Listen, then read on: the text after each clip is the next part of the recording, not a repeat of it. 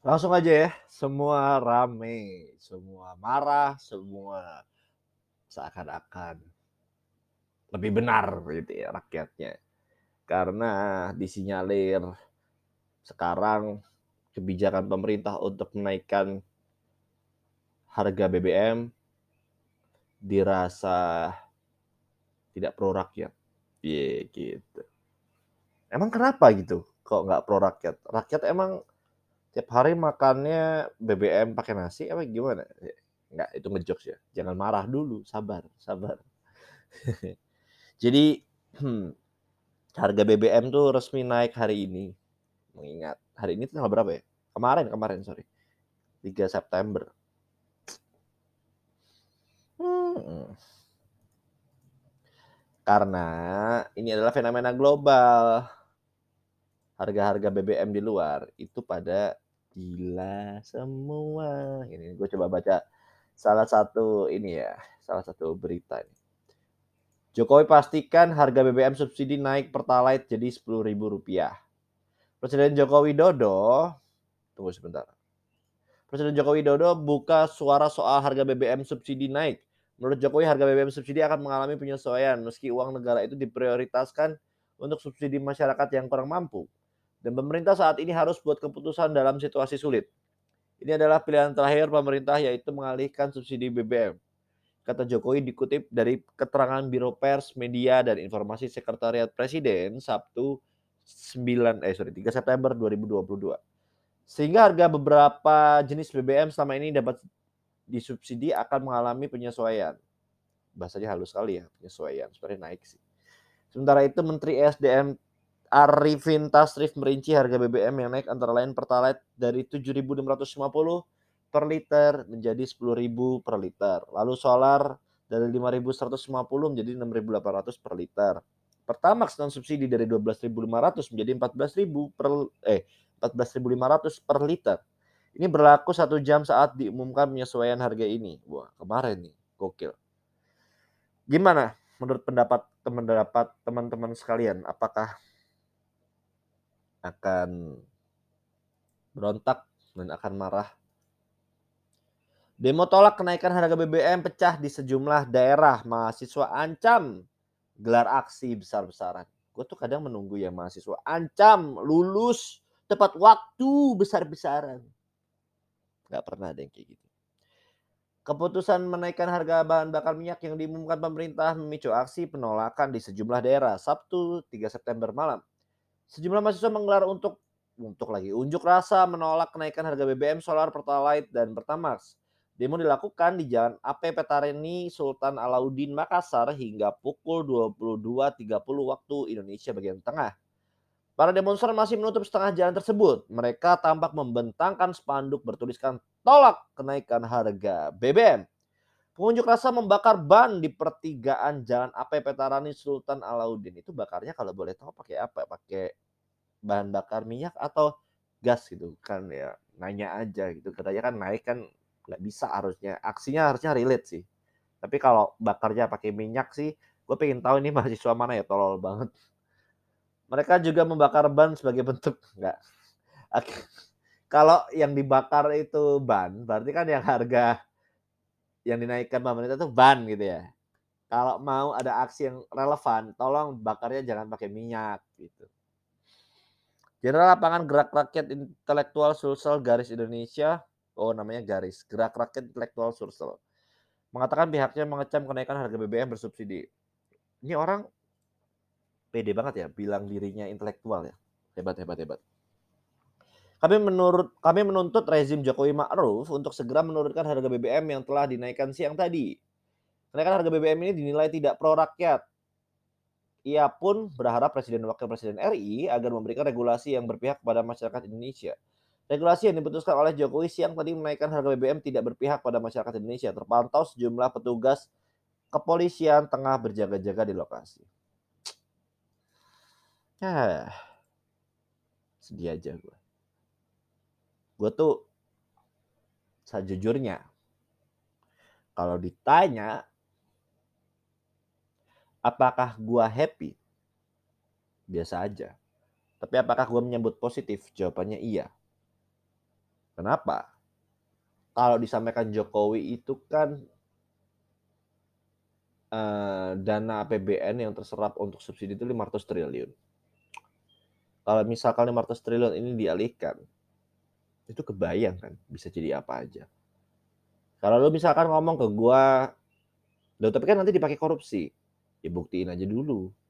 Jangan semua mau lu kira pemerintah kita korupsi semuanya 100% pukul rata ya, jangan. Itu kebodohan menurut gua. Tapi yang gua sayangkan di sini tuh ada beberapa orang yang kurang kurang apa ya? Kurang berpikir kayaknya. Maksudnya ini jadinya kesesatan gitu ya. Cara mikirnya kok gitu sih gitu. Yaitu Dr. Rizal Ramli, pemerintah Jokowi tidak kreatif. Di Twitternya dia bilang, selalu mencari cara yang gampang yaitu nambah utang dan menaikkan harga-harga yang bikin susah rakyat. Pejabat yang ilmunya cuma segitu ndak usah S3 negara lain menurunkan harga BBM Indonesia menaikkan dasar goblok. Tapi dia Indonesia koplok. Kalau boleh tahu negara mana ya yang menurunkan uh, eh, BBM ya? Kok jadi pengen tahu. Kok bisa kayak gitu ya? Katanya dokter Rizam Lamli kan dokter ya depannya, S3 kan dia kan. Tapi kok nggak dikasih uh, rincian gitu negara-negara lain tuh lebih murah gitu. Gimana caranya tidak perlu menaikkan BBM? Pemerintah hentikan pengeluaran yang tidak perlu seperti proyek ibu kota baru abal-abal kurangi pengeluaran lembaga-lembaga negara seperti Mahkamah Konstitusi yang anggarannya malah dinaikkan 4 kali lipat sedangkan sedangkan kinerjanya payah. Badan-badan baru dan staffing potong maksudnya apa sih? Nggak ngerti. Gimana caranya tidak menaikkan BBM? Pemerintah fokus mengurangi cicilan bunga dan pokok utang yang tahun ini 805 triliun, sepertiga dari APBN, pos anggaran utama Jokowi. Jika dilakukan debt swap, termasuk debt to nature swap, cicilan berkurang seperempatnya 200 triliun BBM tidak perlu naik. Uh, Rizal Ramli ini ngomong seakan-akan dia bisa menyelesaikan masalah. Dia itu sudah pernah jadi menteri. dan kinerjanya apa gitu. Itu berkali-kali jadi menteri guys. Di zaman Gus Dur pernah jadi menteri keuangan. Di zaman Gus Dur pernah jadi Mentro Menko ada dua kali nih, Menteri Keuangan, ada Menko bidang ekonomi, keuangan dan industri. Ya. Lalu di lagi kepala Badan Urusan Logistik ya. Terus yang terakhir di 2015 sampai 2016 dia pernah jadi menteri lagi Menko Bidang Maritim dan Sumber Daya Indonesia Presiden Joko Widodo diganti Pak Luhut. Menurut gue beliau sakit hati aja ya karena nggak make sense gitu. Karena ini wajar gitu kenaikan BBM dan menurut gue apa yang diomongin beliau itu memalukan. Tapi ada tapinya. Gue tidak membahas Rizal Ramli ada lagi. Uh, tapi ini ada sih, dia kasih artikel yang menurut gua apa sih? Pemerintah Malaysia umumkan penurunan harga bahan bakar minyak. Ada dari 435 ringgit ke 4,3 ringgit per liter. Kita konversi aja ya. Ron 97 4,3 terus RON 95 jadi dua uh, yakni tetap 2,05 ringgit untuk solar sedangkan RON 95 2,15 ringgit gua kadang nggak ngerti ya Marisol Ramli ya. 2000 ya simpel sih. Kalau emang lu nggak mau nggak suka cabut aja ke Malaysia aja. Gue sih nggak ada masalah ya naik BBM ya. Kalau ditanya apakah gue jadinya tidak memihak rakyat, enggak juga. Ngapain gitu? Maksudnya apa yang sudah dilakukan orang-orang yang masih nurunin harga BBM demi politik itu kan hmm, bukan hal yang baik ya. Karena itu kan jadinya cuma jadi gimmick politik gitu. Kalau misalkan ada negara lain yang turun ya sudah, pindah ke negara sana aja. Kalau dibilang tidak kreatif, emang rakyatnya kreatif. Anda mantan menteri kok kayak gitu gitu. Solusi yang Anda kasih tuh nggak nggak nggak masuk gitu. minta minta diubah skema bayar hutang itu nggak semudah itu.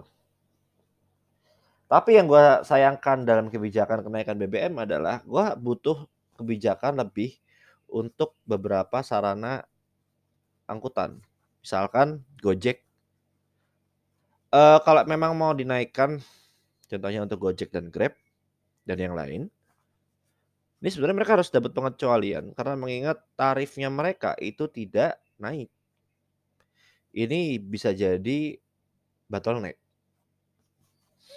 Kalaupun memang mau didukung kebijakan pemerintah, pilihannya cuma dua. Apakah tarif ojol harus dinaikkan atau ojol-ojol tersebut uh, diberikan keringanan, diberikan subsidi. Ya kan? Ini sebenarnya cara yang lebih make sense. Pemberian subsidi sama ojol itu lebih tepat sasaran karena mereka pengguna bensin Pertalite. Semoga pemerintah mendengarkan ini ya. Buat angkutan-angkutan itu kan mereka nyawanya di bensin ya. Kalau nggak ada bensin, mereka mati. Gitu. Tapi kalau misalkan dinaikkan harga per kilometernya aplikasi ride hailing ini, yang dikhawatirkan para warga, para pengguna itu bisa berpaling dan mengakibatkan turunnya jumlah order yang diterima per hari oleh ojek online. Saran gue sih memang harus dikasih ke mereka ya. Sebenarnya kan ngasih ke mereka itu adalah hal yang paling tepat karena performance mereka kan bisa dilihat ya. Berapa kilometer yang sudah ditempuh sama mereka dihitung per liter itu bisa menempuh berapa kilo dikali dengan jumlah subsidi. Gampang itu. Gampang. Dan kalau memang dia kerjanya malas-malasan nggak usah, biarin aja. Yang kerjanya rajin baru dikasih subsidi uh, bensin uh, Gojek kerjasama sama pemerintah atau Grab kerjasama sama pemerintah itu gampang, itu seru banget malah dan itu lebih tepat sasaran. Terus berikutnya yang gue pertanyakan di sini, Dirjen ESDM ungkap Vivo akan sesuaikan harga harga BBM. Ya. Menurut lu kebijakan ESDM menegur Vivo ini hmm, tepat atau enggak? Ini gue baca dulu artikelnya. Iya saya sudah komunikasi dengan Ditjen Migasnya, nanti mereka menyesuaikan lah harganya berapa tetap, tetap dari mereka, tapi mereka akan menyesuaikan dengan kondisi saat ini. Ia menjelaskan harga BBM Vivo yang turun di tengah kenaikan harga BBM disebabkan oleh niat Vivo yang ingin menghabiskan stok bahan bakar jenis RON 89 mereka yakni Revo 89. Sebelumnya dan sampai saat ini Vivo menghabiskan stok RON 89 sampai 2 bulan ke depan dengan harga yang sangat terjangkau sama masyarakat. Diketahui SPBU menurunkan harga BBM di tengah kenaikan harga BBM Pertamina. Untuk BBM jenis Revo 89 yang harga sebelumnya 9.290 per liter turun menjadi 8.900 per liter. Kemudian Revo 92 sebelumnya dijual dengan 17.250 per liter menjadi 15.400 per liter. Ini seru sih sebenarnya. Menurut gua blundernya SDM itu negur Vivo. Nggak usah kalau menurut gua. Kalau memang betul uh, pemerintah tidak bisa menurunkan BBM, ya nggak usah negur Vivo. Vivo biarin aja nurunin BBM. Toh mereka yang boncos kalau memang betul itu mereka subsidi ya, ya biarin aja.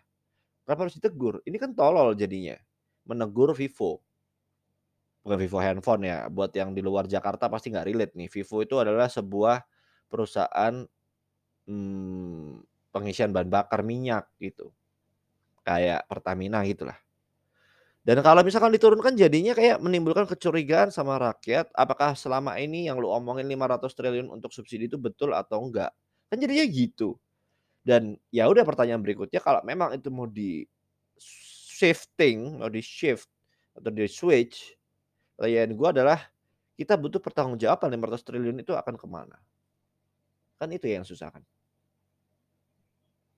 Karena mungkin gue paham kok dari segi rakyat kenapa kok komplain. Kalau gue jujur nggak komplain. Gue sangat paham karena jadinya curiga itu 500 triliun mau kemanain gitu. Buat apa? Jadinya kan gitu. Kalau ditanya lagi, gue setuju, gue setuju. Kenapa? Gue udah muak dari kemacetan yang terjadi di jalanan. Kalau cuma angkutan umum, Gojek doang nggak apa-apa. Banyak banget kok kendaraan pribadi. Karena sekali lagi ini udah pernah gue bilang berkali-kali, menurut gue akses untuk mempunyai kendaraan pribadi itu sebaiknya hanya dimiliki oleh orang kaya. Orang miskin mah nggak usah pakai angkutan umum. Tapi ini jadinya ada domino effect. Domino effect-nya apa? Apakah pemerintahnya sudah memberikan sarana transportasi umum yang memadai? Jadinya kan gitu. Ya gue berharap dengan 500 triliun itu pemerintah bisa membangun sarana transportasi umum di beberapa lokasi yang ada di Indonesia yang membutuhkan. Gitu aja. Seru kok sebenarnya kalau dikurangin mah BBM. Mulai berkurang kemacetan dan mulai, eee balapan liar juga nggak ada gitu. Naikin aja, nggak apa-apa. Toh gue juga jarang keluar. Kalau gue sih dari sisi gue gitu ya kan, ujung-ujungnya gue harus mikirin diri gue sendiri ya. Rakyat BBM, setahu gue yang paling pengaruh itu ojol soalnya. Kalau rakyat-rakyat kayak gue nggak ngerti apa korelasinya dengan buruh naik BBM ya. Peng pengeluaran mereka untuk BBM per bulan itu berapa sih kok begitu ngaruhnya? Karena misalkan tadi dari dari berapa tuh, 7 lupa gua tadi, 7.100 apa berapa ya? Tunggu tunggu tunggu tunggu.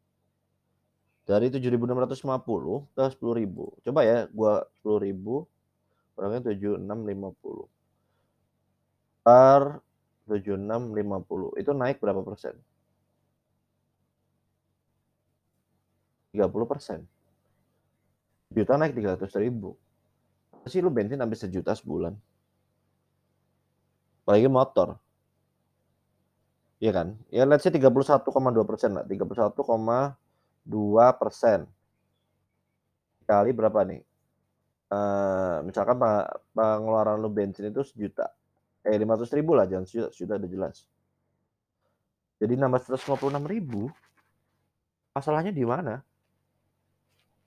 156.000 itu gue yakin lu masih banyak makan di luar segala macem.